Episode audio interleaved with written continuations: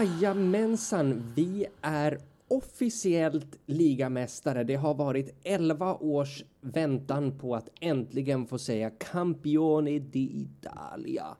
För helvete, nu är det äntligen dags att få göra det här avsnittet som vi under de här fyra åren som inte podden har varit igång har drömt om att få göra. Det är ju allt som oftast så har vi ju fått, eh, fått ta besvikelser och nederlag och sitta här och sura. Men för en gångs skull så kan vi fira. Så på med partyhattarna och så kör vi. Eh, två pers har jag med mig idag. Eh, han är den enda socialdemokraten i Täby. Det var inte lätt i skolan och än idag tvättar han håret i en spolande toalett. Jakob Planell! det känns som att du, du har dragit något liknande förut. Men, det har jag eh, säkert, men eh, det, som sagt, det, man, man, får ta lite favoriter i repris ja, och, och, slå på, liksom plocka lågt hängande frukt helt enkelt. Ja, där är du vass. Jajamän. Eh, och på andra sidan, när jag ser henne så tänker jag ibland Åh, oh, om jag bara var tio år äldre och hon var en tioårig vietnamesisk pojke. Babylona Korshavi! Jävla skit! Hur är läget med er? Det är ju bra. Campioni. Mhm. Ja. Lite, lite skärrad efter den där bara. Men annars är det bra. Mm. Det, är så, det är så jag vill ha er. Glada men skärrade.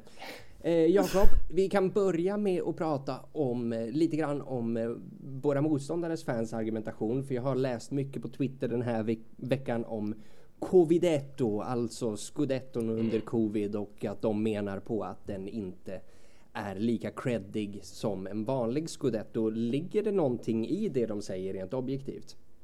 Det är klart att det inte ligger någonting i det när det kommer till det sportsliga. Men sen så har de ju rätt i att det är mycket tråkigare för oss eh, fans. Eh, alla vi drömde väl, vi som åkt ner under alla de här åren när vi varit skitdåliga, drömde ju om just den här dagen. Eh, och, och så kunde vi inte åka ner. Så det var ju, det tar ju så, såklart bort någonting ifrån det. Men man skiter lite i, det är liksom 11 år. Ja, han någon av er se det här laget? Alltså nu då, då förra säsongen när Conte kom och Lukaku och alla de här. Var det någon av er som hann ner och se en match innan det blev inställt? Nej. Nej, jag har fan inte sett eh, någon match sedan Conte kom. Min senaste var den här Napoli-matchen när Lautaro gjorde ett sent mål. Och eh, Koulibaly eh, fick eh, apljud emot sig och blev utvisad. Mm. Varför gjorde du det för Jakob? Det var lite drygt faktiskt. Ja, det är, det är inget jag står för idag. men då ja, men det är bra. Nej, okej, okay. Så då, då har vi alla sett Kuzmanovic massor med gånger och inte någonting av det här scudetto-vinnande laget. Det, det är ju lite surt. Men likväl, Babylona, ligger det någonting i att eh, håller du den, är den här titeln mindre värd än en annan Scudetto? Jag tycker väl snarare tvärtom. Att med tanke på de svårigheter och så som varit runt omkring. eh, utöver covid och det ekonomiska och Conte som var redo i princip att lämna och det var kaos. Eh, så tycker jag nästan att den här Scudetton är mer imponerande för att man har ju lyckats eh, ena sig kring ett mål på ett sätt som vi inte sett förut. Eh, laget, truppen, folk har inte fått betalt under flera månader. Det har varit extremt mycket skriverier som alltid och man har ändå lyckats liksom hålla fokus. Så jag är snarare mer imponerad över den biten. Ja, jag håller med och om vi ska prata om en covid-1 då är det väl förra årets mycket mer Exakt. än den här. Ja, Nej, men där håller jag ja. med. Förra året var ju säsongen definitivt påverkad på ett helt annat sätt. I år har man ju kunnat lira.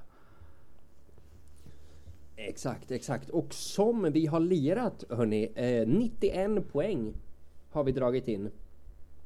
Mm.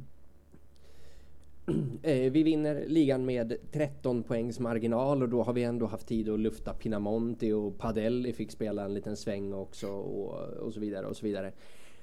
Så jag tänker att eh, vi under det här avsnittet så kommer vi kasta in frågor. Vi har ju, vi har ju sparat, eller vi och vi, Babylona har ju varit smidig nog att spara frågorna från förra veckan när det var tänkt att vi skulle spela in men saker och ting kom emellan. Så de frågorna har vi med oss även in till idag, likväl som de nya vi har fått in nu på eftermiddagen.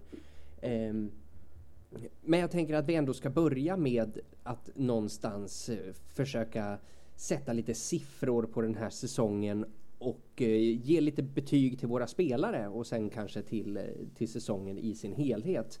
Eh, och vi kommer ju självklart inte ta hela spelartruppen utan vi tar ju startelvan och eh, inflytelserika avbytare och rotationsspelare. Så om vi börjar i mål då, Babylona, med Samir Handanovic. Vilket betyg får han mellan 1 och 10? Uh, eh, vi kör skala 1 till 10 ja. ja. Uh, jag säger väl, han får en sexa, han är godkänd. Uh, Inter vinner scudetton trots honom i mål. Mm. Jag håller ju med dig där att det är trots honom i mål. Därför hade jag, jag är inte i närheten av en sexa. Ja, men jag tänker liksom... att han var, han var helt OK halva säsongen. Sen är det ju liksom att man vinner ändå scudetton så det gör ju att eh, han får no, någon poäng upp. Uh, bara för att vi faktiskt tar titeln. Mm. Känner jag. Jo, det är väl fullt rimligt. Jakob, är det du som, du som har din... Du som har en litet soft spot för målvakter här. Uh. Hur skulle du bedöma Handanovics insats den här säsongen? Jag landar nog faktiskt också i en sexa.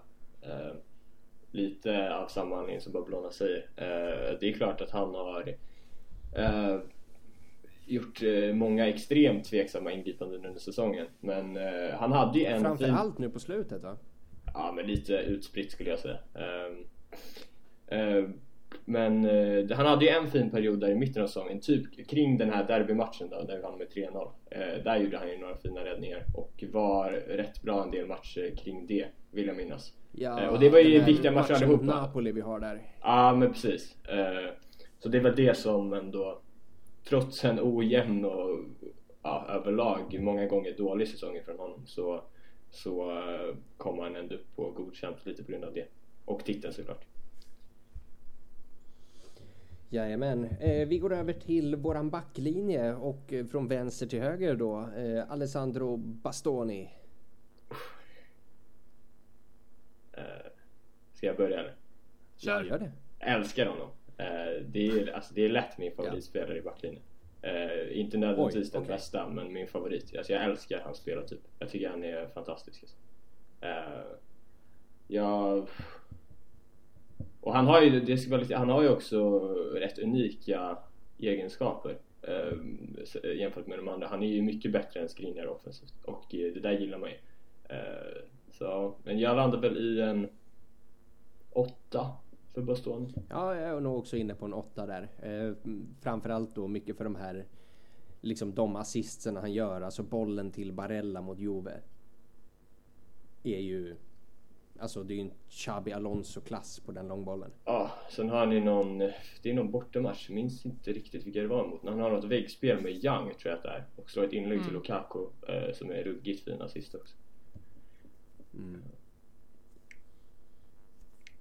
Ja, så, så vi säger väl en åtta där någonstans då. Eh, om vi kliver in, kliver in i mitten, Stefan de Frey Babylona. Jag säger åtta och en halv där. Eh, så här, typiska lugnet där i mitten liksom. Det, det hetsas inte så upp sig i onödan. Förmedlar en lugn och trygghet med boll liksom. Han, han ger den gärna till Bastoni som får dra upp spelet. Eh, han är ren och skär klass, de Frey. Mm. Absolut. Bara för att kasta in en liten kul fråga där. Den här situationen som uppstår. Nu kommer jag inte ihåg vad det är vi möter. Men som uppstår med honom och Handanovic när han springer in i Handa och Handa fumlar in bollen i mål. Vems fel är det? är det DeFry eller Handas fel?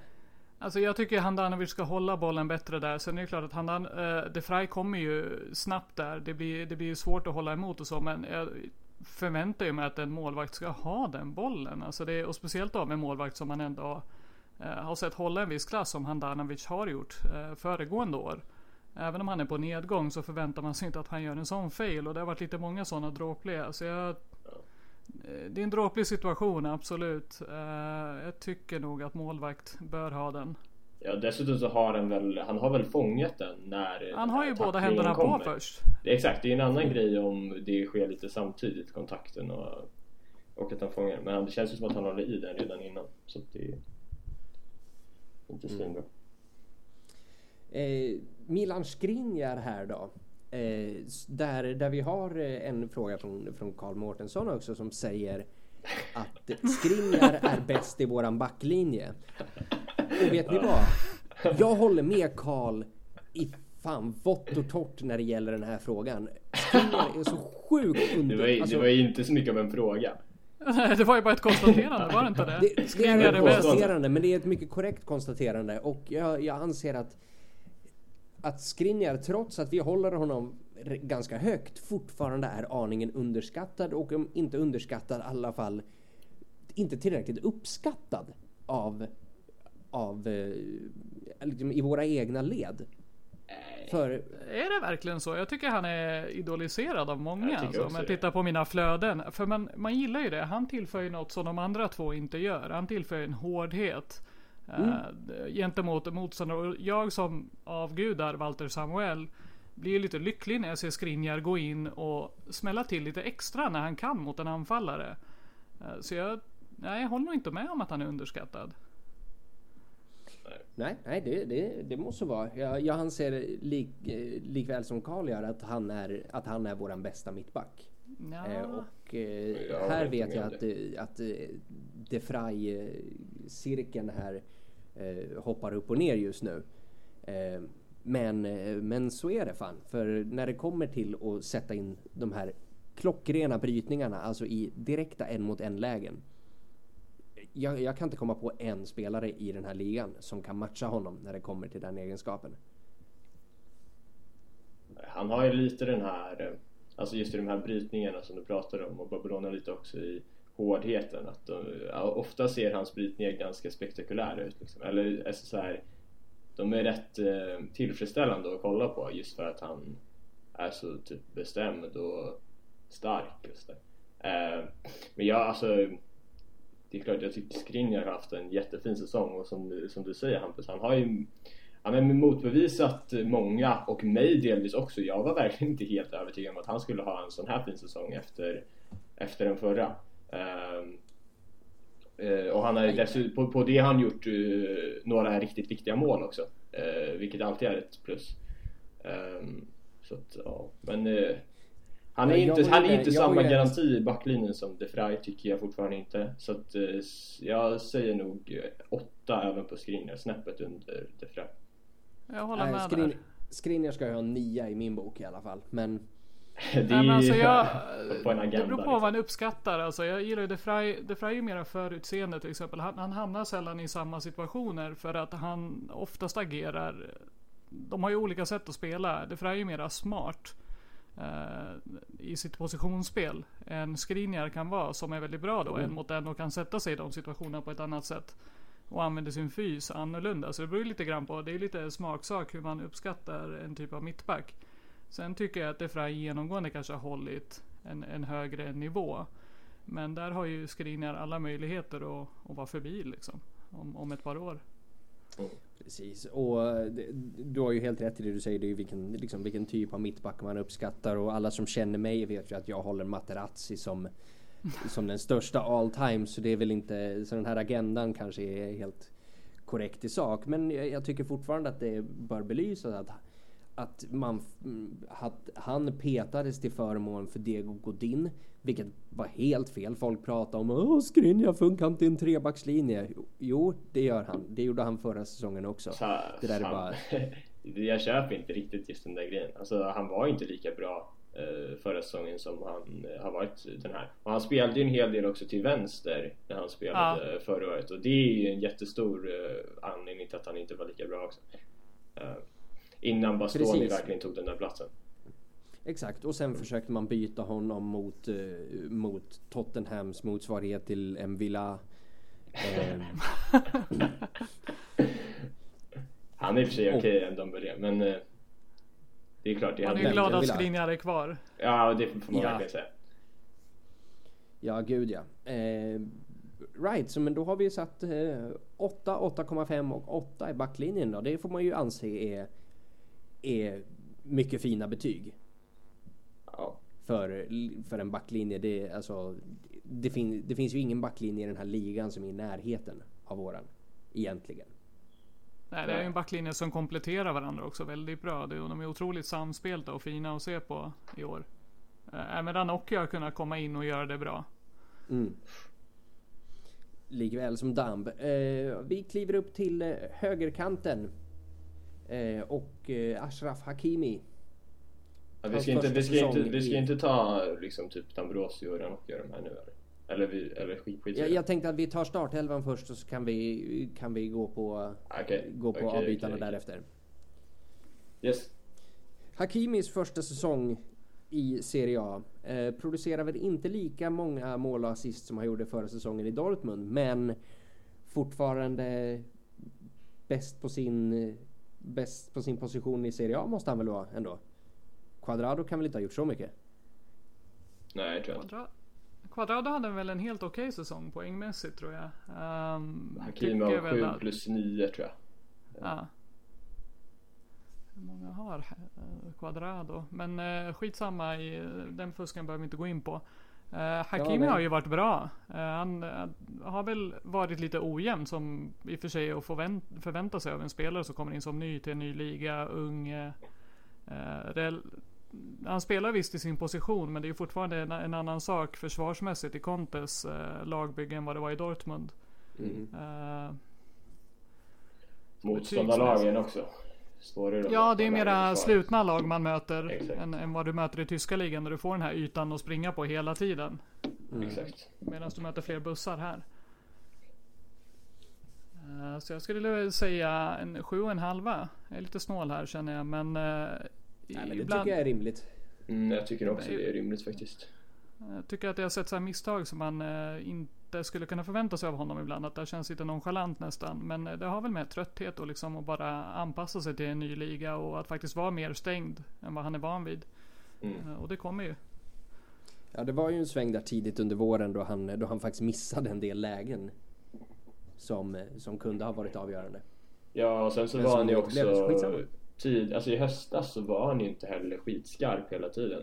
Eh, han hade ju en rätt dålig period där. Bland annat så gör han det här misstaget mot Real Madrid borta. Uh, Ja. Han ger ett mål till Benzema. Eh, och det Han kändes hade ju flera liknande var- misstag där. Ja men det, exakt, det kändes som under en period att han var helt utan självförtroende i princip. Och gjorde en del tekniska misstag tyckte jag alldeles för ofta. Men ja, han kom ju ur det och han, precis som vi pratade om innan, när han får ytor att spela på är han ju helt otrolig. Då är han ju som en fuskkod liksom. Det är ju bara att slå bollen på honom och sen så springa förbi alla. Mm. Eh, andra kanten. Ivan Perisic har ju haft, eh, har ju fått spela huvuddelen av säsongen. Eh, avbytt av Ashley Young givetvis. Men vi kan ju börja där med Ivan Perisic. Som eh, sällan har varit min favorit. Han pikade väl någonstans när han tog det där strypgreppet på Quadrado för de flesta kan jag känna. Eh, Det är, väl, det är väl det man kommer minnas av hans sejour i Inter sen. Eh, Det är väl den bilden. Ja, det är ju faktiskt värt en del. Jag tycker i och för sig det. Eh, Men jag kanske Men, en sjua för Perisic från mig. Ja, ja, men det är ju svårt att ge folk lägre egentligen. Alltså det är en sjua. Han, han, man får ta in det faktum att han var iväg i Bayern, vann trippen, gjorde det bra. Eh, hade Lewandowski de här på sin sida som ville att han skulle köpas och så. Eh, kom tillbaka till Inter och faktiskt eh, tog sig an den här uppgiften som eh, Conte gav honom. Liksom att han, han jobbade hårt och så under honom. Det han inte var villig att göra säsongen innan gjorde han i år. Och underställde sig laget liksom. Så att det, ja, det är en sjua. Jo men det, det, ska man ju, det ska han ju ha cred för. Han hade ju kunnat göra en sån här eh, Eto'o Benites grej och bara nej nej nej. Jag tänker, inte, Mm. jag tänker inte spela där. Jag tänker inte göra det där och så vidare. Ja, jag vet att- att... Eller kör du, kör du. Och framförallt ändå, att han då liksom lyckas axla den här wingback positionen som han faktiskt blev bortskickad för under Contes första år. För att Mm. Conte inte in, ansåg att han klarade av den liksom. Jag tror att det var mer att han själv inte ville lira där om jag ska Han, ja, det har ju framkommit sen att han själv har varit osugen på att ta de löpningarna defensivt hela matchen och så. Mm, för jag vet att, eh, jag, att jag sa det i förmodligen avsnittet innan säsongen när det mer eller mindre var klart att han skulle bli kvar då, Perisic. Att egentligen, kollar man på Perisics egenskaper så är han ju perfekt för den rollen. Han är löpstark som fan, ganska snabb, Eh, ofta en helt okej inläggsfot och kan också fylla på i straffområdet. Eh, så att, eh, ja, egentligen har han ju allt och det har han ju visat nu, framförallt på våren. Att, eh, att han kan vara riktigt, riktigt bra där. Jajamensan. Eh, vi kikar på mittfältet. Eh, Christian Eriksen. som eh, jag har backat i vått och torrt oavsett hur usel han stundtals har varit. Vad tycker Mm. ni? Svårbedömd ju. Han är ju det. Eh, för förväntningarna att, är ju väldigt ja. högt ställda på ett sätt. Ja men jag tänker mest främst också på att eh, det var en sån sen förändring där eh, efter det här målet i kuppen. Mm. Men liksom, sett över hela säsongen så vet jag inte om han kan upp till mycket mer än en sjua. I min bok. Alltså han har ju han har ju gett någonting annat nu på, på mittfältet under våren som inte Vidal eller Gallardini har kunnat ge i eh, speluppbyggnad och ja, tillslag på fasta situationer och så vidare eh, som har varit jättevärdefullt. Men eh, ja, innan så hittade han inte sin roll liksom. Nej, men och, och även nu här, liksom nu under, framförallt under våren då, alltså när vi pratar om att Perisic anpassat sig till en roll och tar hemjobb. Snacka om att Eriksen tar hemjobb. Gud ja. Uh, sen är det ju väldigt fint att se hur, hur han och Brozovic hittar varandra där på mitten och hur de det blir ju ett helt annat typ av spel när du har två spelare som går ner, kan ta emot bollen och speciellt Eriksen då kan dra den på ett tillslag. D- nu blir du inte beroende, du kan inte markera bort Brozovic lika lätt som du kunde förr. uh, För motståndarna nu när vi har Eriksen där också. Mm. Uh, Så att det, det, det har ju tillfört en helt ny dimension i eh, Interspel tycker jag. När Conte till slut eh, fick till eh, det med att ha honom på planen. Eh, Jajamän. men betygsmässigt, ja nej men det är svårt tycker jag att ge honom. Jag är, ju- jag är oerhört svag för Eriksen. eh, och jag skulle egentligen vilja ge honom ett högre betyg. Men jag känner ju också att kraven på honom är ju högt ställda. Så att det, en sjua Det är väl rimligt. Får man väl. Ja det känns rimligt. Jag hade egentligen velat ge någon halv poäng högre. Men då hade han väl kanske behövt bidra med lite fler eh, poäng då. Men det blir ju en annan position han spelar i. Lägre i banan. Ja, det tog ju tid innan han gjorde sina första poäng i ligan. Men sen fick han ju ändå ihop några stycken eh, Mm. på slutet. Så det är, ja, det är väl Ja, jag menar ju att, jag menar att nästa säsong så står ju han för 10 plus assist och mål. Alltså båda. Ja, det tror jag inte. Men, eh, Jo, jo, jo. men man kan Jag ju känner hoppas. att han, han hamnar ju väldigt långt ner i banan. Det är det som blir svårt. Att eh, ofta, jag menar, det tar inte många passningar innan vi är framme vid ett avslut med Lautaro eller Lukaku. Så att det är svårt för Eriksson att vara den som är där och eh, avslutar ofta. För att han drar ju den första passningen från backlinjen. Ja, och han Ja, har ju men inte sen heller... tar den en studs och så kommer den, eh, liksom kommer den andra, liksom kommer en retur ut ur straffområdet. Han kommer Alltså jag hoppas ju att du har rätt. För jag, jag, jag är ju rädd att han eh, ryker i sommar. Så att det, jag Jaså? hoppas att du har rätt att han är kvar. Ja men jag tänker så här, det är ju en plus Valenza som är lite lättare än de andra. Så man Ja. blir ju lite rädd för den. Det, dock talar väl hans lön emot att det ska bli. Men vi kan ju skippa Mercato nu då. Precis, Ja. den lär vi Ja, komma men- till i slutet här. Vi har en del frågor om den liggandes. Ehm, jag sitter ju här med två kryptovalutahandlare och frekventa Epic Bros och kafébesökare och två lirare med en bomb på halsen. Marcelo Brozovic. Ja, Kan man göra annat än att älska honom alltså? Vilken jävla kung. Folk har fortfarande inte förstått hur viktig han är för Inters mittfältspel. Och det gör mig lite ledsen att se hur pass underskattad. För där kan vi prata om en spelare som är underskattad i Ja. fanbasen. Bara på grund av att han har ett kroppsspråk som inte går hem hos folk. Titta vad han gör med boll. Titta ytorna han täcker upp varje match. Hur, hur offensiven går via hans fötter. Hur det defensiva arbetet styrs mycket av hur han funkar i positionsspelet. Ja, och Eh. framförallt titta på matcherna när han, när han inte har spelat. Exakt. Ja, alltså jag har ju jag har en mycket komplex relation till Brozovic. Alltså jag uppskattar ju verkligen, alltså det är ju en, det är en dunderspelare rent sportsligt. Men, eh, men ja, alla de, hans, de här gimmick-grejerna runt omkring, jag vet inte, det... Han är ju en seriefigur. Ja, han är Ja. underbar. Han är Ja, precis. Jag fryspizzan i oroar mig väl Milano lite alltså, för att det där liksom och då. rubbar fokus och sånt, men... Nej. Men alla verkar ju älska honom också i laget. Alltså, Han verkar hur Eh. poppig som helst. exakt. Så att jag... Han är, ja... underbar. Ja, och, och jag får ändå säga att det känns... Alltså jag, jag hade ju ordentligt fel om honom. Eh, alltså utvecklingen han tog när, när liksom Jugge Inter försvann.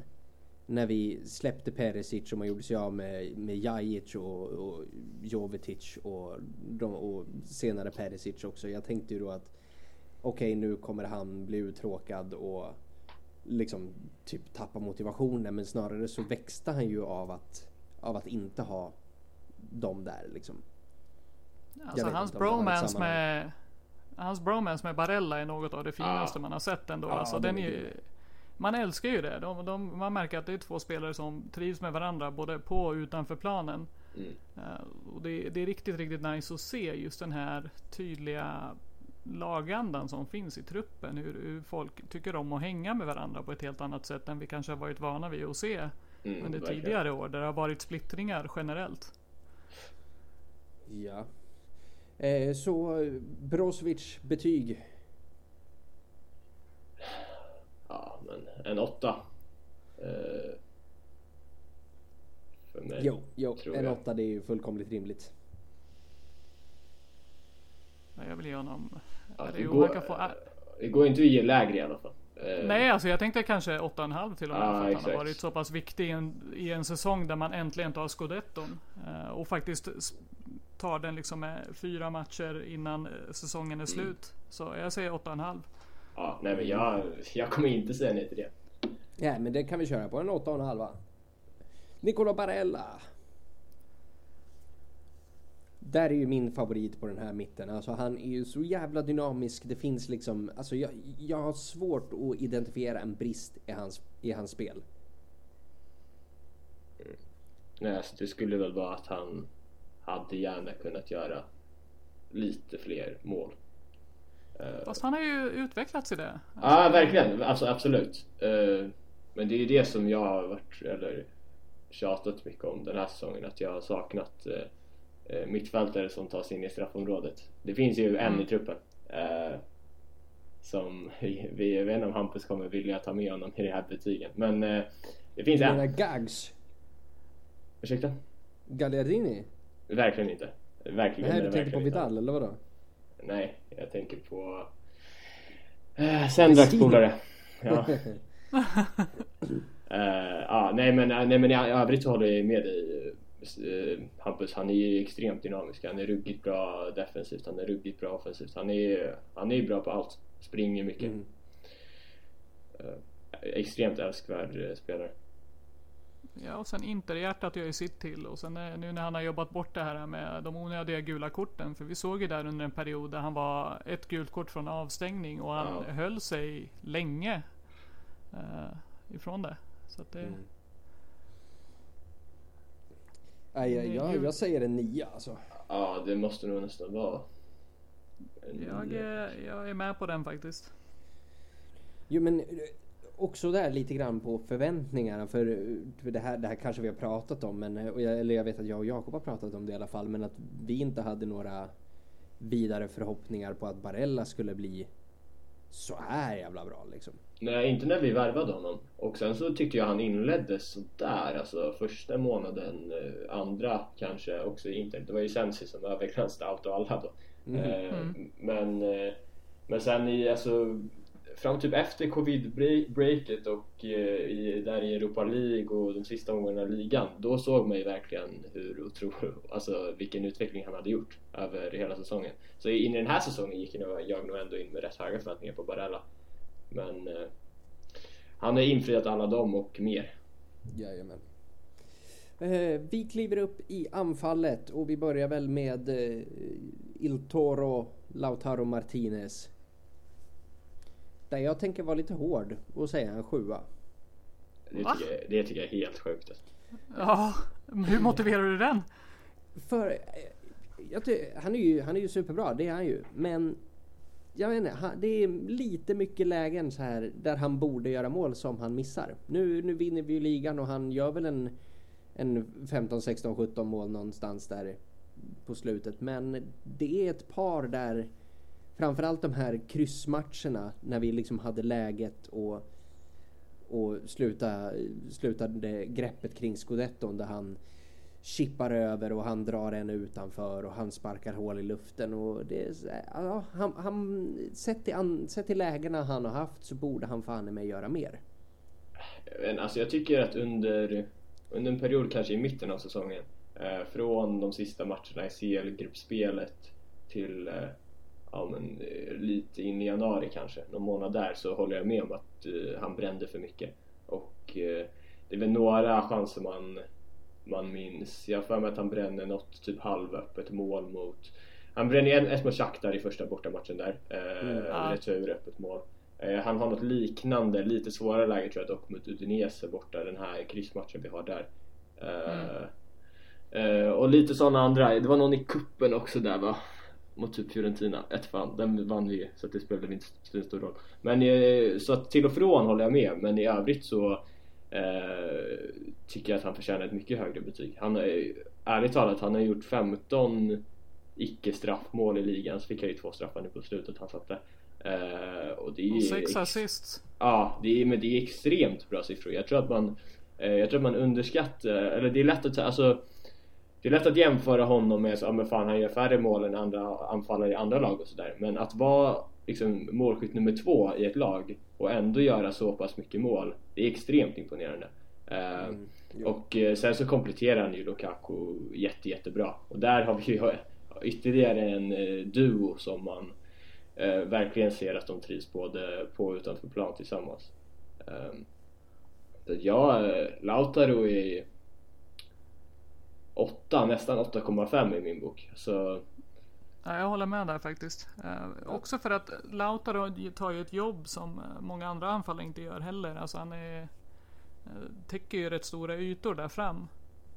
Och han är ju något av en atypisk anfallare också. Det är ingen typisk så här, uh, nummer 10 egentligen. Eller en seconda punta liksom. Han, han, rör sig ju både främre och bakre. Han och Lukaku kompletterar ju varandra väldigt, väldigt bra. Ja, det är, stundtals är det nästan så att han jobbar mer i djupled än vad Lukaku gör liksom. Ja. Absolut. Eh, nu Sen har ni ju det där, eh, fan det måste man ju ta upp när vi pratar om Lautaro. Det här målet han gör borta mot Torino är det va? Eh, 2-1 målet i typ 87 eller någonting. Den här nicken. Eh, ja. det, är, det är ett av säsongens mål nästan för mig. Eh, riktigt, med tanke på allt som stod på spel och eh, ehm, också är det extremt svårt att avsluta. Att backa in i en nick sådär och få in den, trycka in den liksom i eh, alltså nickar den bakåt mot stolpen är det extremt eh, bra mål. Jajamän. Ehm, och slutligen då. Nummer 9. Romelu Lukaku. Mm. Slutar alltså, på jag... 24 mål och 11 assist i ligan, eller hur? Mm. mm. Jag kan inte säga något annat än en tia. Ja, ja, för jag, en tia skulle vi gått längre i Champions League. Ja, men, jag, jag tänkte säga 9,5. Uh. Ja. Men uh, ja. Absolut. 9,5 ja. Alltså det är, det är obestridda ledaren liksom. Det är, det är här han, han har verkligen tagit laget på sina axlar när det behövts och uh, lyfter dem runt omkring sig och tar enormt ansvar. Ja, är det, är det här kaptensmaterial? Alltså vi, vi, det har ju varit lite prat om att vissa vill ha Skriniar. Det har varit mycket prat om Barella som kapten men känns Jag ser hellre en mittfältare eller en, en back som kapten men det är ju det är en personlig preferens. Ja, jag ser jättegärna Barella. Jag gick igång extremt mycket på den tanken när det snackades om det. Uh, ja. Men uh, alltså så här, Lukaku är inget dåligt val. Men sen så tror jag också att uh, det känns som större det känns som mer sannolikt att Barella blir kvar i Inter väldigt många år också än Lukaku. Jag, alltså, mm. jag, tror, jag tror inte Lukaku lämnar i sommar men kanske några år, säg att Conte lämnar och så vidare, då är det inte omöjligt att han drar eh, tillbaks till Premier League, kanske Manchester City eller något sånt där. Eh, tror jag inte. Mm. Jag känner samma, ska du ge binden till någon då, ge den till någon som man tror blir kvar i alla fall en fyra år till liksom. Mm. Jo, ja, jag, jag menar ju att Skriniar borde ha binden. Ja, det kommer inte som en chock. nej, nej, men eh, han har ju varit liksom, det har ju diskuterats om honom tidigare. Sen eh, var det ju den här lilla halvutfrysningen där i slutet på förra säsongen och jag tycker att eh, och liksom han har sparkat sin agent för att förhandla med oss. Förhandla han förlängning med är, klubben han är själv såklart och- inget dåligt val heller. Alltså, Det är bra kaptensmaterial, absolut. ja exakt, det är, men det är på flera spelare är det fint att vi har det. Det fanns ju en tid där det minst sagt Inte inte, fanns var en. så. Exakt. Nej, eh, vi, tar, vi tar betyg på lite avbytare. Vad säger ni om att vi väljer en, var, en avbytare var som vi tycker har gjort ett, ett stort avtryck och så, och så går vi vidare därifrån. Kör. Ska, ska jag slösa mitt val på Vesino? Ja, Det var det jag förväntade mig faktiskt. Sitter alla och väntar här just nu. Nej, alltså, tyvärr. Alltså hade han gjort det där målet mot Juventus, den här nicken. Då... Ja, då hade det varit givet. Ja. Alltså, det, det smärtar verkligen mig att eh, den inte gick in. Men eh, ja, det är väl väl Darmian då, kanske. Mm. Eh, Ja. Känns som det givna. Har ju varit extremt viktig, spelat mycket och ja, uppenbarligen gjort eh, flera avgörande mål också. Och det är, ju- han blir ju lite av en eh, liksom kultspelare av, det, av, det, av den anledningen. Att han gör de här målen. Eh, och sen också är så extremt användbar. På båda kanterna. Eh, har gjort någon enstaka match i backlinjen också. Eh, extremt funktionell spelare. Eh, och han, det är också en spelare som tystade många. Eh, Verkligen. alltså när Ja, mig kom- definitivt. Alltså, Ja, jag, ska inte, ja. jag hade aldrig förväntat mig en, en sån här uh, insats. För när man kollade på honom säsongen innan så var det verkligen som man bara, men gud vad fan är det här för någonting? Eh, så att det här är, han, han har varit hur bra som helst. Och jag förstår verkligen ingenting av fotboll uppenbarligen. Nej, och inte Parma heller vad det verkar liksom. Alltså, Nej, för- men han var verkligen inte bra där. Alltså det såg inte bra ut. Sen är det visst ett annat spelsystem och så. Och det man såg i Premier League var inte heller någonting spännande. Men där å andra sidan underpresterade alla där i United. Men det var... ja, Han har verkligen överträffat varenda förväntning. Grejen med, med, med de där värvningarna, både Darmian och Ashley Young då, är ju att eh, jag hade ju aldrig trott på dem. Jag, kan- jag kan inte säga att jag trodde att Darmian skulle vara så pass viktig eh, som han blev den här säsongen. Men eh, någonstans, den där typen av spelare så tror jag alltid på Conte när han plockar in dem. Eh, för att han, det har ju alltid gått bra i alla klubbar han har varit i. Eh, så. Babylona, vad har du för, av, för avbytare du tycker bör lyftas fram som en kugge under den här säsongen? Ja, alltså i normala fall så brukar man ju säga D'Ambrosio. Men han har ju inte varit lika bra i år när han har lirat. Skadad jättelänge också.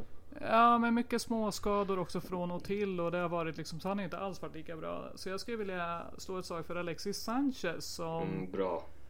Eh, som har liksom, han har också blandat och gett. Men när han har fått vara fit och oftast är han ju bättre när han faktiskt får komma in under matchen än vad han är när han spelar från start. Jag har ändå kunnat bidra till slut med lite mål och assists och Överlag tycker jag att han har gett ett helt annat flyt i spelet när han har fått lira. Han har haft lätt att hitta Hakimi på kanten och sådana grejer. Så han, eh, han har gjort oss mindre förutsägbara i matcher där det har varit lite låst. Mm. Mm. Jag håller helt med. Alltså, jag tycker att eh, Eh, en grej som jag har varit inne på några gånger också under, i podden under säsongen är att eh, jag har alltid haft känslan att, eh, att oavsett om det går trögt för Inter i en match så känns det alltid som att vi kan vända om vi ligger under eller kan lösa ett segermål om, eh, om det om det är stängt eller sådär. Och eh, Sanchez är ju verkligen en av anledningarna till att det har varit så. Jag tycker att nästan varje gång han kommer in så får vi effekt på det bytet. Eh, Oavsett om det är att han kommer in mot, eh, mot Lautaro, då är det oftast. Eller om eh, han kommer in i den här rollen bakom eh, Lautaro och Lukaku som han har kommit in i några gånger. Och där är han ju väl nästan som vassast när han får spela Ja, med båda anfallarna. Eh, Ja, han skapar ju ett sånt jäkla kaos i, i motståndarnas backlinje med sättet han, alltså han, han springer ju fan hela tiden. Ja, men extre- extremt rörlig, extremt intensiv och eh, skicklig i eh, att skapa målchanser. Eh, Mm. Jajamän. Eh, slutligen då, då vill jag faktiskt lyfta upp Roberto Gagliardini. Och Så jag jävla tänker ut- Hampus-grej Ja, ja, nej, nej, nej, nej, nej. Nu, nu, nu är det allvar här kära vänner. Nämn en sak han har gjort dåligt den här säsongen? Senaste matchen han lirade hade han ju inte ett rätt. Nej men sluta, till och med en match som inte betydde något så att man blev förbannad på att han var på plan. Alltså nej.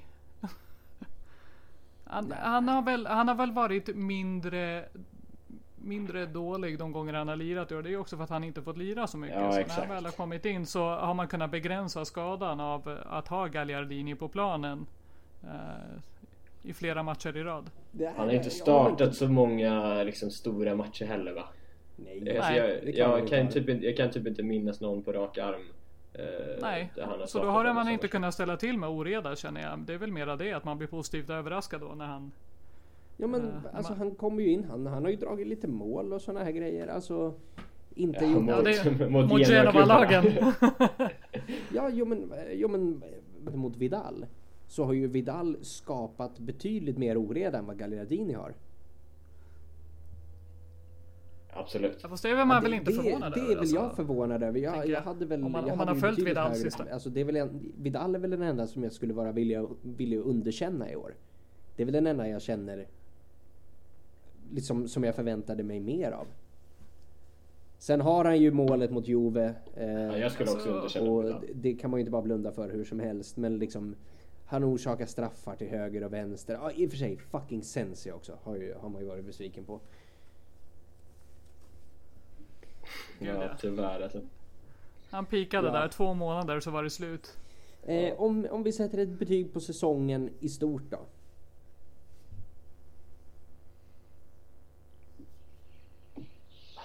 Ja, inte helt lätt heller tycker jag inte. Alltså, måste man ju väga in kuppen och CL. Ja, vet du vad? eh, Jag tycker fan, faktiskt inte man ska göra det. För vi vinner vår första ligatitel på 11 år. Jag tycker inte det kan vara något annat än en tia. Alltså skitsamma hur det gick i CL. Skitsamma om vi vann Trofeo Berlusconi eller inte. Att vi, vi har vunnit en ligatitel. Alltså,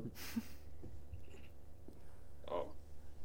ja, alltså bara ligasäsongen är ju en tia liksom. 91 poäng Ja. och eh, liksom eh, bästa försvaret var i ligan, näst bästa anfallet. Eh, det är klart att det är en tia. Eh, sett till bara till ligan. Men så det beror på hur vi väljer att eh, formulera kriterierna. Men eh, jag tycker väl någonstans att säsongen i sin helhet ska vägas in. Och då eh, landar man ändå lite lägre. Eh, kan inte riktigt sätta fingret på vart men en eh, nia, åtta och en halv om man vill vara riktigt elak. Men eh, nia. Ja men då är det om man låter CL väga in ordentligt. För Ja exakt, jag och det man tycker jag nog inte man ska ändå. För att, eh, Eh, med tanke på att eh, den här säsongen handlade ju om ligan. Exakt. Eh, det handlade om att vi skulle vinna ligan. Vi alla ville och tyckte att vi borde tagit oss vidare i alla fall till åttondel i Champions League. Men eh, mycket längre än så hade man inte förhoppningarna på heller. Nej, Eh, Det är klart att med rätt lottning hit och dit så skulle man kunna ta sig vidare till en kvart eller en semifinal. Men eh, som sagt, det handlade ju om ligan. Ja, men jag säger också 9,5 alltså. Det, vi, vi, hur, hur starka man var, hur man vann det och att det liksom inte avgjordes där på slutet. Att man kunde komma till Juve-matchen som klara mästare. Det var ju tydligt där vad, vad som hade väntat Inter annars. Ja, Om, om den matchen hade varit avgörande. Eh, ja, eh, så vi landade 9,5 då. Helt enkelt.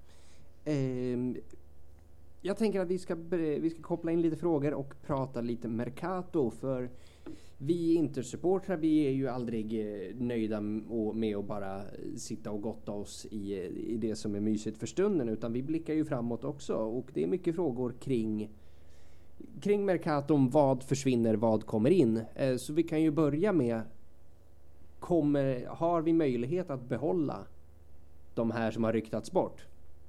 Fan, borde, borde vi inte... Förlåt. Det, Borde det, inte vi kan sätta betyg på Conte eller? också. Ja, Känns- Contes, Contes del i det här, i det här lagbygget är ju, är ju A och O. Enorm. Det är allt. Ja, då, då kan väl jag som, som av oss tre kanske varit mest Conte-kritiker här då eh, gå in och säga att det, det här är ju i, i grund och botten hans vinst så det är ju en tia. Helt enkelt. Ja, jag landade väl lite i samma med, uh, CL där så att han kanske inte riktigt kan få 10 men 9,5 absolut. Så. Ja, Nej men där är jag med eftersom vi bedömde själva laget på en 9,5 på att CL drog ner det något. Så gäller ju det även honom. Men jag menar det här är ju Conte har gjort ett helt galet jobb i Inter. Uh, och speciellt som sagt om man fakturerar in allt det här skiten med, med klubben som pågår. Ja, men eh, jag får jag får pass. Och att, eh, att, vi, att vi har den eh, med att vi har den, vi pratade innan om den goda stämningen i laget. Det är ju, det är ju på grund av hans ledarskap liksom. Eh, särskilt med tanke på allt som har eh, som vad Blas säger, som har pågått runt omkring med den finansiella situationen och så vidare. Och eh, att det gick eh, som det gick i höstas. Både i ligan var knakigt resultatmässigt i början och CL då förstås. Mm. Extremt bra tränargärning av Conte i år. Mm. Jag får ju passa på att pula lite grann. Det här har jag ju redan gjort i, i vår interna grupp givetvis. Men då för våra lyssnare också. För jag satt ju och käftade här i höstas med Jakob när det gick lite knakigt. Och Jakob sa men sitt lugnt i båten, det, det löser sig. Och det gjorde det ju bevisligen. Så, så bra jobbat Jakob, du hade ju helt rätt. Det är generande. Sötnosen. eh, Babylona. Lukas frågar. Vilka tror vi ja. lämnar i sommar? Kommer inte lyckas behålla Lukaku Martinez och de här som vi uppenbarligen vill behålla? Jag tror att man lyckas behålla stommen mycket för att eh, Mercaton ser ut som den gör för de flesta klubbarna med mycket mindre intäkter. Eh, ska du köpa Lukaku så behöver du punga ut fortfarande med stora summor för att inte överhuvudtaget ska kunna gå plus eh, på spelaren. Eh, och om man vill behålla Conte så säljer man inte Lukaku. Det, för då, då spränger han sig själv i luften på Appiano. Det är liksom... Är bara se det hända liksom. Uh, så jag tror att... Ja, ja men jag tror, jag tror att vi är många som åker dit och ja, liksom alltså, bygger om vi höll på att riva högkvarteret över och byta men, Guarin eh, mot Vucinic. Då kan du ju bara tänka dig vad fan som kommer hända nu. Exakt. Exakt, och då har du liksom, det är många flygplan som kommer åka in mot Milano. Ja, vi har ju liksom, redan fått lära oss i, i, i Minsk här hur man gör den här veckan. Så. Exakt, vi säger bara till Lukasjenko att det, det, det är någon vitryss där som måste ner i Milano och så kör vi. Men det är, jag tror att man jobbar väldigt hårt för att kunna behålla stommen i laget. Det man kommer, som sägs vara fokus nu är att man ska få bort alla de här spelarna som Vidal som sitter på ett kontrakt som om man får bort honom så frigör man mycket löneutrymme. Kan du styra en deal med Nainggolan? Alla de här spelarna som har varit iväg. Joao ja, Mario. Valentin Lazaro liksom. kommer tillbaks. Mm. Uh, får se vad man gör. Ja men han känns ju lite svår att bli av med tyvärr. Eh, som, som det ser ut. För han har väl inte presterat Sam superbra och uh, kostade det också. Dalbert kommer väl också tillbaka? Eller? Lazaro kan ju säkert vara en, ja, vara en så... duglig truppspelare. Alltså hur dålig kan han vara? Ja, det beror väl... Jag vet inte, han har ju knappt fått lira. Uh, ja, han gjorde ett drömmål i och för sig. Han körde en skorpion där i ja, under säsongen. Den var ju... Ja, uh, hoppades att det skulle ge honom lite självförtroende. Men jag tror att man uh, kommer jobba hårt för att behålla just stommen i laget. De här, det som blir svårt är ju att göra Conte nöjd för att han vill ju addera spets. och hur gör du det med en, får man ja, förmoda, ganska liten budget. Det verkar ju hyfsat klart att vi får tillbaka mm. Federico Di Marco. Ja men där är ju också inte färdigt än hur man ska lösa det. Snackas om att man kanske skeppar Radu åt det hållet då. För att det sades ju att Verona kan köpa Di Marco för 6,5. Att det är priset man har satt då inför säsongen. Och sen ska Inter mm. då i så fall köpa tillbaka honom. Um, så vi får ju se hur man löser det. Det kommer säkert vara en massa finurliga swap deals till höger och vänster. Problemet för Inter är att man har ju spelare som man kanske skulle kunna byta bort men som sitter på löner som blir mm. för höga för klubbarna de behöver hamna i. Eh, så att det, det, det, blir en tuff nöt för Marotta och Silio. Eh, när du ska försöka till exempel en Gagliardini eller en Vesino. Vad gör du med honom? Hans kontrakt går ut om ett år. Eh, ska yeah. du sälja måste du göra nu. Att, och då blir Jakob ledsen. Det är också en faktor man behöver ta in. Eh, jag är ju också svag. Vesino har ju fått en plats i mitt hjärta som han var på plats i Rom och såg det där målet. Så att det, eh, han är ju någonstans förlåten för allt han gör jag, efter Jag tycker det inte Vesino är så jävla bra alltså. Jag vill ju bara hitta anledningar att köpa hans tröja. Ja men det är som sagt, jag tycker väl inte heller det. Men det målet, den känslostormen, då är det så här, det är fine. Men sen har ju han haft enorma problem med ljumskproblem här. Eh, det ser man ju när han springer och så, att det, det, ser fan inte bra ut. Det ser inte ut som det gjorde innan. Så det verkar ju ha hämmat honom. Eh, men kan man sälja honom tycker jag man ska göra det, absolut. Men det, det handlar ju mer om att mm. få ut spelare som inte är funktionella längre. Det som har pratats mycket om i media, som, som Samuel frågar här om också. Måste vi göra oss av med nyckelspelare? Det beror helt och hållet på uh, nu får man in det här lånet som det verkar från Oaktree, eller den här finansiella lösningen man kör då, där Lion Rock som också ägs av Suning egentligen eh, går ur och så kliver någon annan mm. in och tar de här, vad är det, 31 procenten? Eh, om det kan lösa en del, alltså det är ju tydligt att den finansiella situationen i klubben inte är bra. Eh, man behöver ju öka intäkterna och så runt omkring. Eh, och du behöver minska löneposten i, i laget. Och det, det, kan du göra om du säger att du kan hitta någon, säg en MLS-klubb som tar Alexis Sanchez, då blir du av med en tung lönepost. Eh, kan föryngra, kanske plocka in någon på en lägre lön, den biten. Eh, frågan är om Conte nöjer sig också då med en sån Troligen typ av Mercato. inte va? Nej, och då kan du säga, ja men vi vill göra en plus Valenza, vi säljer Lautaro. Ja men vem tar du in då som garanterar mm. samma, ja, jag menar ju att, eh, samma spel? Fotbollsspelare runt om i världen idag inte är lika bra som de var för tio år sedan. Så det är ju svårt att ersätta det vi har alltså. Så jävla konstigt sagt. Nej men, nej men tänk på det här nu, om vi tänker det här lite logiskt. Nej men det, där, det här är ju mest Nej men, liksom nej, men, nej, men låt oss, nej, men låt oss prata om alltså, det här lite, lite logiskt. är ju bättre idag än Lukaku är ju, kan vi ju argumentera, är topp tre anfallare i världen nu. Eller hur? Men hade han varit ja. det om han hade konkurrerat för 10-15 år sedan med Rooney och Drogba och en Agüero i toppform. Eh, allt, som, och allt annat skit som fanns då. Alltså... Alltså det säger väl sig självt att fotbollen blir bättre och bättre. Alltså... Det är svårt att jämföra över olika tidsepoker. Spelarna är större, starkare, snabbare ja. nu än vad de var förr. Liksom. Eh, tekniskt gör de saker i det är en annan typ av teknik. Absolut, men om, om ni tänker tio år sedan. Låt oss säga att vi skulle ha uh, tvingats ersätta Diego Milito för tio år sedan och hade en bra budget.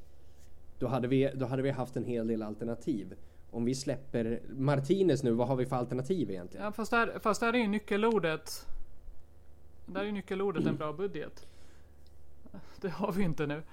Uh, sen är det ju, nej du har ju inte alls samma typ av anfallare som du kanske hade under en tid där det var många profilstarka som var bra i många klubbar liksom. Uh, det är ju, Lewandowski är ju något av ett unikum just nu. Uh, som fortsatt ösa in mål. Um, det är ju svårt, men där behöver ju klubbarna också bli bättre på att snappa upp de här spelarna. Um, behöver börja fiska lite i, i Belgien, i, i Holland och så också och inte bara kolla på, jag vet inte, Sassuolo och de här när man ska plocka spelare för då blir det dyrt. Jajamän.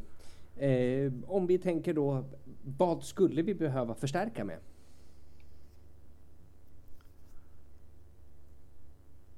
Mm. Ytterligare en anfallare. Alltså någon på vänster ytter också. Mm. Ja, det, jag, tänker ju, jag tycker ju eh, främst en vänsterytter kanske för att eh, där hade man ju, i, i bästa fall hade man velat få in en startspelare där. Men eh, eh det kanske vi inte har råd med. Eh, men sen så vill jag också... Det är klart vi behöver lite bredd på olika positioner. Anfallet är, är en. Och eh, vi vet ju som sagt inte vad som händer med Sanchez och så vidare. Men eh, anfallet är en. Sen tycker jag också att vi behöver ha in en mittfältare. som, mm. som har lite andra egenskaper. jag har ju haft dille på Rodrigo de Paul. Eh, att jag vill ha in honom. Men det kommer ju såklart vara extremt svårt att eh, att lösa en sån övergång för att Udinese kommer inte släppa honom lätt. Eh, men jag hade oavsett vad gärna sett en eh, mittfältare som eh, kan göra fler mål, som är bättre på att ta sig in i straffområdet än, än vad alla de tre vi har där idag är. Mm. Det här måste man vara lite tråkigt och det beror ju lite grann på vad det är man lyckas skeppa. Säg att D'Ambrosio och Ranocchia lämnar, de sitter på mm. utgående kontrakt. Då behöver du plocka in Nej. Ja men Kolarov är det ingen som saknar. Alltså det, eh, han, han gjorde ju, han var, det är drömmen liksom. Glider in, eh, är rätt usel, slår en vettig passning med vänsterfoten och så vinner han en scudetto liksom från bänken. Eh, och får betalt några mil för det. Men alltså där har han ju, där kommer det ju inte saknas. Nej. Men du kommer ju behöva ersätta rent numeriskt kommer du behöva plocka in folk. Sen om det är Pirola som får komma in som eh, Conte sägs ha ett gott öga till eller om det blir Van Hoisten som man måste plocka tillbaka eller inte. Liksom. Det får man ju se. Men det känns som att det är samma diskussion där på mitten. Lyckas du skeppa Vidal? Eh, försvinner Vesino? Mm. Ja, då måste Jag du skulle plocka in vilja folk. ha en ny målvakt alltså. Ja, gud ja. Ja, det vill väl alla men det är Ja, svårt att lösa. det har, det har ju... Det ryktades för läge. någon vecka sedan om, eh, om eh, Gulaschki från eh, Leipzig. Det hade ju varit... Men det det, det dementerades väl ganska snabbt då. Att han skulle någonstans. Det gjorde Jag det säkert. Eh, Han går väl till Salzburg, gör inte det? Eller hur blir det? ja, tror att ja, han- jag kommer inte ihåg var det stod, om det stod att han skulle liksom om det var mer eller mindre klart att han skulle någon annanstans eller om han skrev på nytt eller jag har för mig att det dementerades av eh, om eh, Romano då, att eh, han inte Ah, skulle till Premier League i alla fall eller vad det nu ryktades om och då exkluderade väl det Inter också. Så att, Mm. ja. Eh, jag tänkte vi, vi ska komma tillbaks till, till vårat eh, härliga lilla framtidsperspektiv här om en liten stund. Eh, men jag tänker att vi, det har ju skett ganska mycket förändringar även utanför planen vi, som vi inte har hunnit prata om. Vi har en ny logga. Eh, vi har, vi har våran eh, I am slogan och vi har också våran nya lilla sång. Hur, hur känner ni inför det här? Det har varit lite småsura miner både på Twitter och stundtals i våran grupp också som tycker att, eh, att loggan är ful och låten är dålig och så vidare. Alltså någonstans, eh, det är klart, jag tycker det är tråkigt. Eh, alltså för, för jag tycker ju som alla, eller de flesta i alla fall, jag tycker att loggan är fulare. Eh, och jag tycker att eh, låten är sämre och så vidare och så vidare. Men, eh, men någonstans, det har ju att göra med att, eh, att jag växte upp med det andra. Och eh, alltså jag har ju aldrig varit med om någon annan, Patsa inte, när kom Nej, den? långt 2007 tidigare. typ. Alltså den är inte heller... Tidigare. Nej.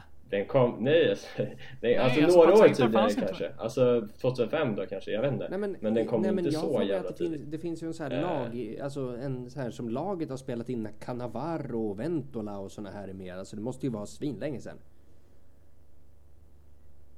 Ja men kan säga 2003 då. Eh, jag vet fan, alltså skitsamma. Det är, den är i alla fall inte från urminnes tider.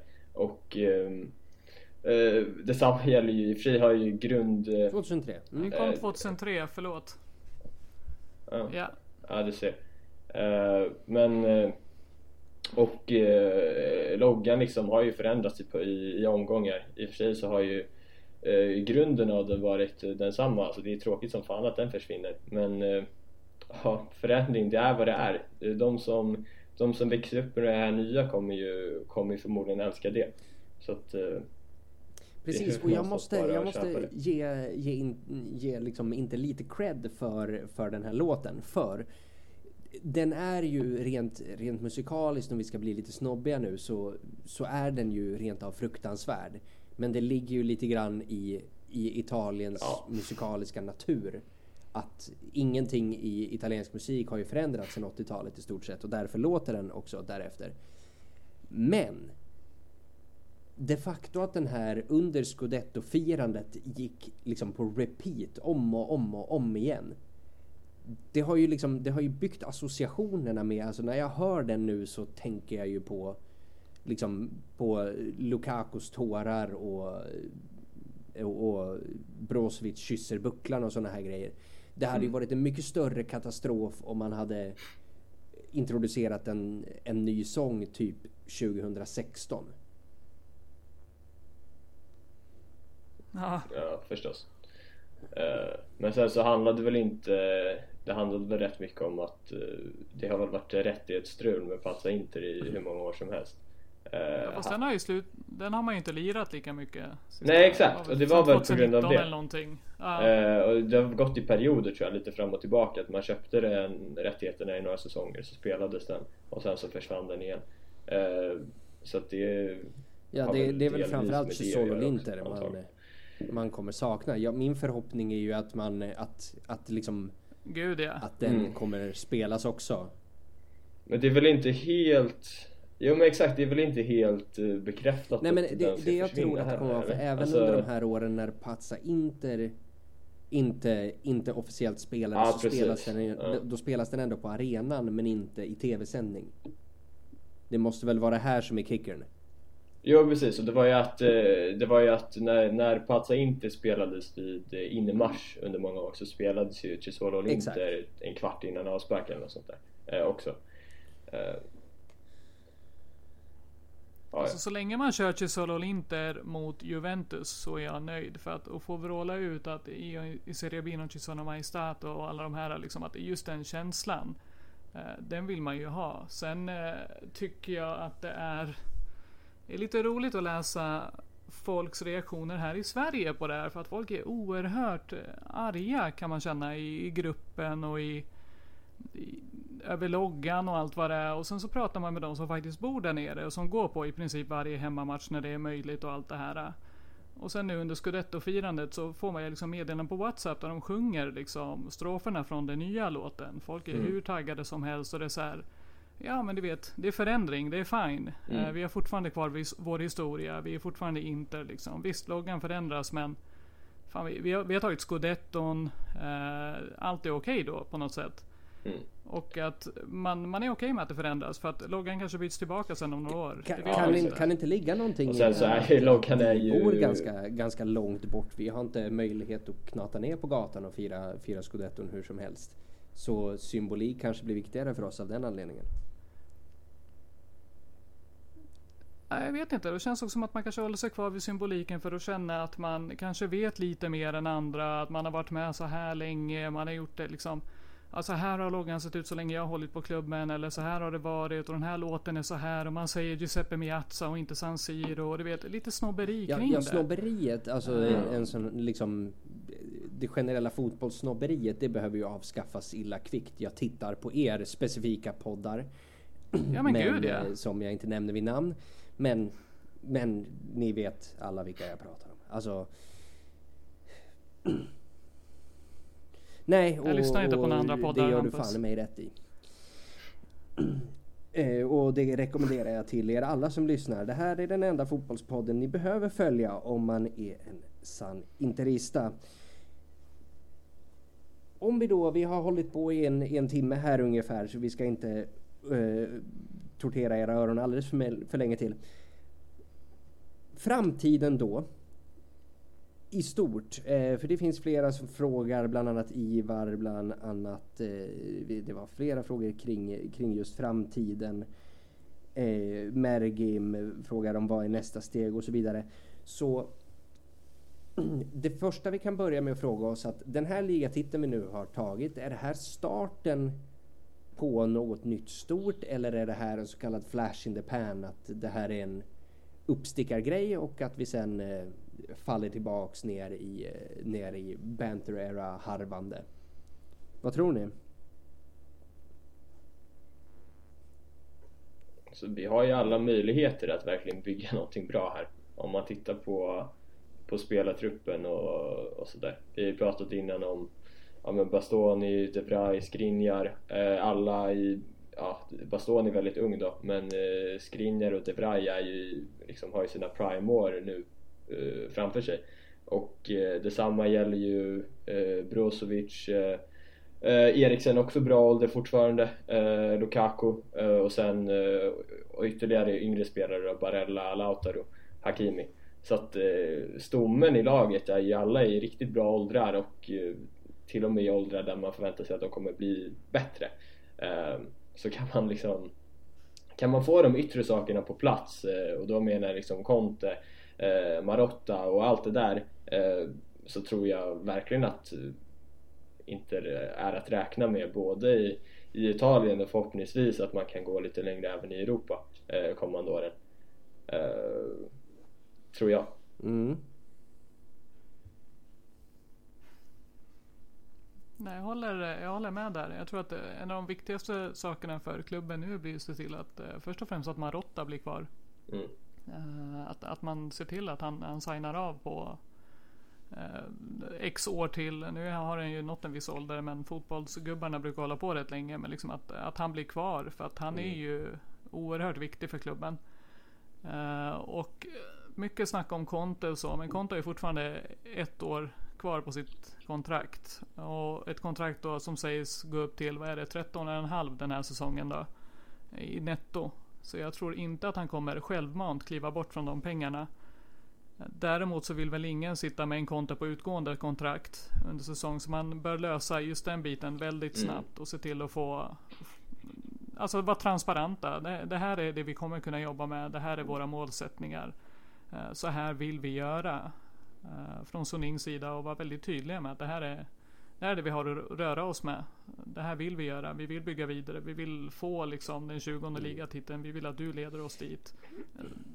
Jajamän. Borsta egot liksom. Mm. Nej, Jag håller med. Jag vill bara flika in det jätte- jättesnabbt att eh, var ju inte någon, eh, någon av de här frågorna som du läste upp lite pratade om vad är nästa steg? Jag tror att vi måste, nästa Ja. steg är den Gud, 20 ja. ligatiteln Nej, liksom. nej, nej. Tror Gud, att vi, ja. vi, Det är inte måste, Champions League, Nej exakt, alltså. vi måste passa oss från att tänka så här, "Äh, nu ska vi vinna Champions League liksom. Vi får lugna oss lite. Har vunnit en ligatitel nu på 11 år. Utan det är ju andra stjärnan är ju det som är målet nästa år. Verkligen. Andra stjärnan och sen förhoppningsvis ta sig ur gruppen bara som liksom mentalitetsgrej. Att visa Ja. liksom att vi, vi kan det här. Eh, Men, men fokus är ligan nästa år. Sen så har vi också mycket bättre förutsättningar nästa år för att kunna ta oss ur gruppen. För det första så får vi ju första sidningsplatsen nu. Eh, och det är ju en stor skillnad mot de grupperna som vi hamnat i de senaste åren. Jajamän. Ehm, så så vi, tar en, eh, vi tar en sista liten fråga här från, från Elis som, eh, som frågar då vad som krävs för att nästa säsong inte ska ses som ett misslyckande och det är väl ligatiteln? Ja, Så, alltså det Ja. är ju... Det, så är det väl, men det är också... Vi vet alltid inte vad som händer med allting med vad konkurrenterna gör heller. Nej just det Eller här vad som händer med oss själva. nej, men det är Eh, så- motståndare också man ska räkna med. Eh, Du har Mourinho som kommer in i ett Roma som i princip kan fokusera på ligan. För vem bryr sig om den här, vad heter den? Conference League. Eller vad det nu är. Mm. Eh. Conference League, alltså det är, ja, man, man håller inte skillnad på alla de här olika. Men så har du, du har det, vad, vad kommer Juventus göra? Milan som är Champions League-pengar också kommer eh, göra annat. Napoli, det, det blir intressant nästa år för att det är många klubbar som kommer behöva rusta upp. Och sen har du ju Atalanta som bara fortsätter gneta på eller blir de av med Gasperini till Juventus eller vad är det som sker liksom? Så att jag, ja, vi, om truppen ser ut så här fortsatt starka. Fokus bör definitivt vara på att vinna scudetton. Men Nej, samtidigt inte så tänker jag slänga in en liten, en liten, en liten lampa här. Att det är ju så himla mycket prat i media om hur, hur förstörd våran ekonomi är och att, liksom, att vi snart kommer inte, inte kommer ha råd med skor och sådana här saker. Men det här appliceras ju även på Mm. våra konkurrenter. Alltså Juve sitter på, om vi pratar om Oh ja. våra löneutgifter, då ska vi inte ens prata om Juve utan att få hjärtstillestånd. Där, de har ju lönekostnader upp över öronen. Kommer de kunna behålla Ronaldo? Tvivelaktigt. Milan... Nej men... vem- frågan är om de ens vill behålla? Ronaldo. Det är väl det som Eh, är... Milan, Milan saknar ju typ, typ åtta spelare för att vara konkurrenskraftiga med oss. De tappar Donnarumma, de tappar Chalanoglu. De får inte en spänn för det här. Det är ju minus i deras böcker så att det bara sjunger om det. Så den här som vi förutser då den här ganska begränsade Mercaton som kommer som troligtvis den här sommaren kommer innefatta den är på ett sätt också till våran fördel för det kommer bli tuffare för oss att förstärka men det kommer bli minst lika tufft för våra konkurrenter att förstärka som behöver förstärka mer än oss. Och därför, och därför ännu viktigare för klubben. Det blir ännu viktigare nu för klubben att se till att behålla den här stommen och behålla Conte och liksom för att eh, han måste ju också kunna se att det är en enorm fördel att stanna i Inter. Att kunna bli historisk, ta den här 20 titeln liksom. Eh, Han, han, han är ju glory hunter för sig själv han också. Han är ju sitt eget största fan. Mm. Eh, och där måste han ju kunna se att han kan bygga en legacy här som Som, det, det är ju större än det han har gjort i många andra klubbar. Just för att han själv häromdagen sa det, att det vi har gjort i Inter, liksom att man i princip då pekar ut det här gamla systemet som har varit, att det är svårare att vinna här än någon annanstans. Eh, kanske börjar han också förstå lite mm. att han hade det lättare på andra ställen. Jajamän. I Italien. Eh, innan eh, vi kommer till eh, vårt avslut för den här säsongen så ska vi släppa in eh, Interklubb Svezias eminente president och eh, frekventa medpoddaren eh, Binan Alattar med ett eh, inspelat meddelande till, eh, till alla lyssnare. Kära lyssnare av Interpodden. Jag kan tyvärr inte vara med i det här sista avsnittet för säsongen. Men jag vill ändå skicka ett stort tack för att ni har lyssnat. För att ni faktiskt ställer frågor och att ni pushar oss till att göra nya avsnitt. Det är för det vi gör det och det är alltid lika kul att få ja, både positiv och förstärkningsbar um, feedback. Uh, vi kan alltid bli bättre och det har vi inte minst fått höra under säsongen när vi faktiskt har eh, släppt eh, avsnitten sporadiskt. Det jag kan säga är väl att det är enklare att göra avsnitt när man är lite arg, eh, när saker och ting inte går som det ska. Och som tur är så har vi haft en väldigt positiv säsong. Eh, vilket har gjort att vi faktiskt inte har haft liksom, den känslan av att prata ut. Utan man har liksom velat ligga eh, eller sitta still i båten och vänta ut att vi vinner scudetton och det lyckades vi med. Det jag vill göra också det är att passa på att eh, skicka med en hälsning, eller en hälsning, ett stort jävla tack till Antonio Conte. För enligt mig är det Antonio Conte som är anledningen till att vi vinner ligan i år. Han har byggt ett lag eh, som han har fått handplocka i princip eh, under två säsonger som är ett, ett av Europas absolut bästa lag just nu. Eh, vi har presterat på alla positioner. Han har fått spelare att nå sin liksom, maximala potential. Eh, och jag tror att vissa liksom, har utvecklats så pass mycket att, att de kommer vara superviktiga under nästa säsong. Eh, så jag tillägnar den här scudetton till Antonio Conte, vilket han själv också gör. Eh, jag tycker att han är en otroligt bra ledare och eh, jag ser upp till honom och verkligen har honom som förebild inom ledarskap, eh, vilket jag bara haft Mourinho tidigare. Så att eh, för mig, ett stort tack till Antonio Conte, ett stort tack till Interpoddens lyssnare och ett stort tack till mina kära vänner, som jag får lov att kalla dem, som jag har gjort Interpodden tillsammans med. Tack från ett soligt Spanien. Ciao! Jajamensan, eh, jag fortsätter bygga på det Binan säger och eh, tacka, ge ett stort, stort tack till alla er lyssnare den här säsongen och inte bara den här säsongen utan ni som har varit med och stöttat Interpodden de senaste fyra åren som vi faktiskt har hållit på nu. Det är helt otroligt.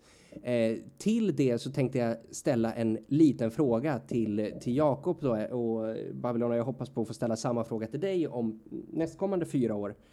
Eh, Jakob, kan du på rak arm komma på det dummaste du har sagt i Interpodden? sen vi började. Uh, nej, tyvärr alltså. Men jag, har, jag vet att jag har sagt extremt mycket dumma grejer och jag vägrar ju lyssna på de här i efterhand för att jag skäms så mycket. Uh, så att, uh, ja men allt. Jag står inte bakom någon, någonting, mer eller mindre. Nej, nej, men det är stabilt. Jag tänkte citera mig själv från Interpoddens första avsnitt där jag säger att för första gången på många, många år så har vi en ytterback som kan vara potentiell världsklass. Alltså en ytterback, alltså en typ av ytterback som vi inte haft sedan Mike Hons tid. Personen jag har sagt det här om är Dalbert.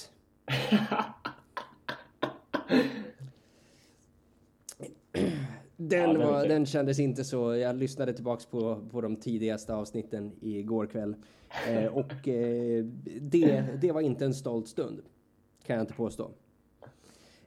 Nej, eh, ja. Eh, så med de orden av självförnedring och självömkan så tackar vi så otroligt mycket för den här säsongen. Tack till alla er som kommer med frågor var eviga vecka. Tack till alla er som lyssnar. Och framförallt ett stort tack till alla otroliga vänner som jag har, eh, som vi alla har fått eh, möjligheten att lära känna. Det här är en på många sätt fantastisk grupp där som representerar människor från av olika kulturell och etnisk bakgrund, olika social klass, eh, från olika orter runt om i hela landet och runt om i, i resten av världen också. Ehm, som vi, vi är i grund och botten fundamentalt olika i, i nästan varenda aspekt, men vi alla enas kring det här och eh, vi har förtjänat den här ligatiteln tillsammans. Eh, så tack så jättemycket för i år. Tack.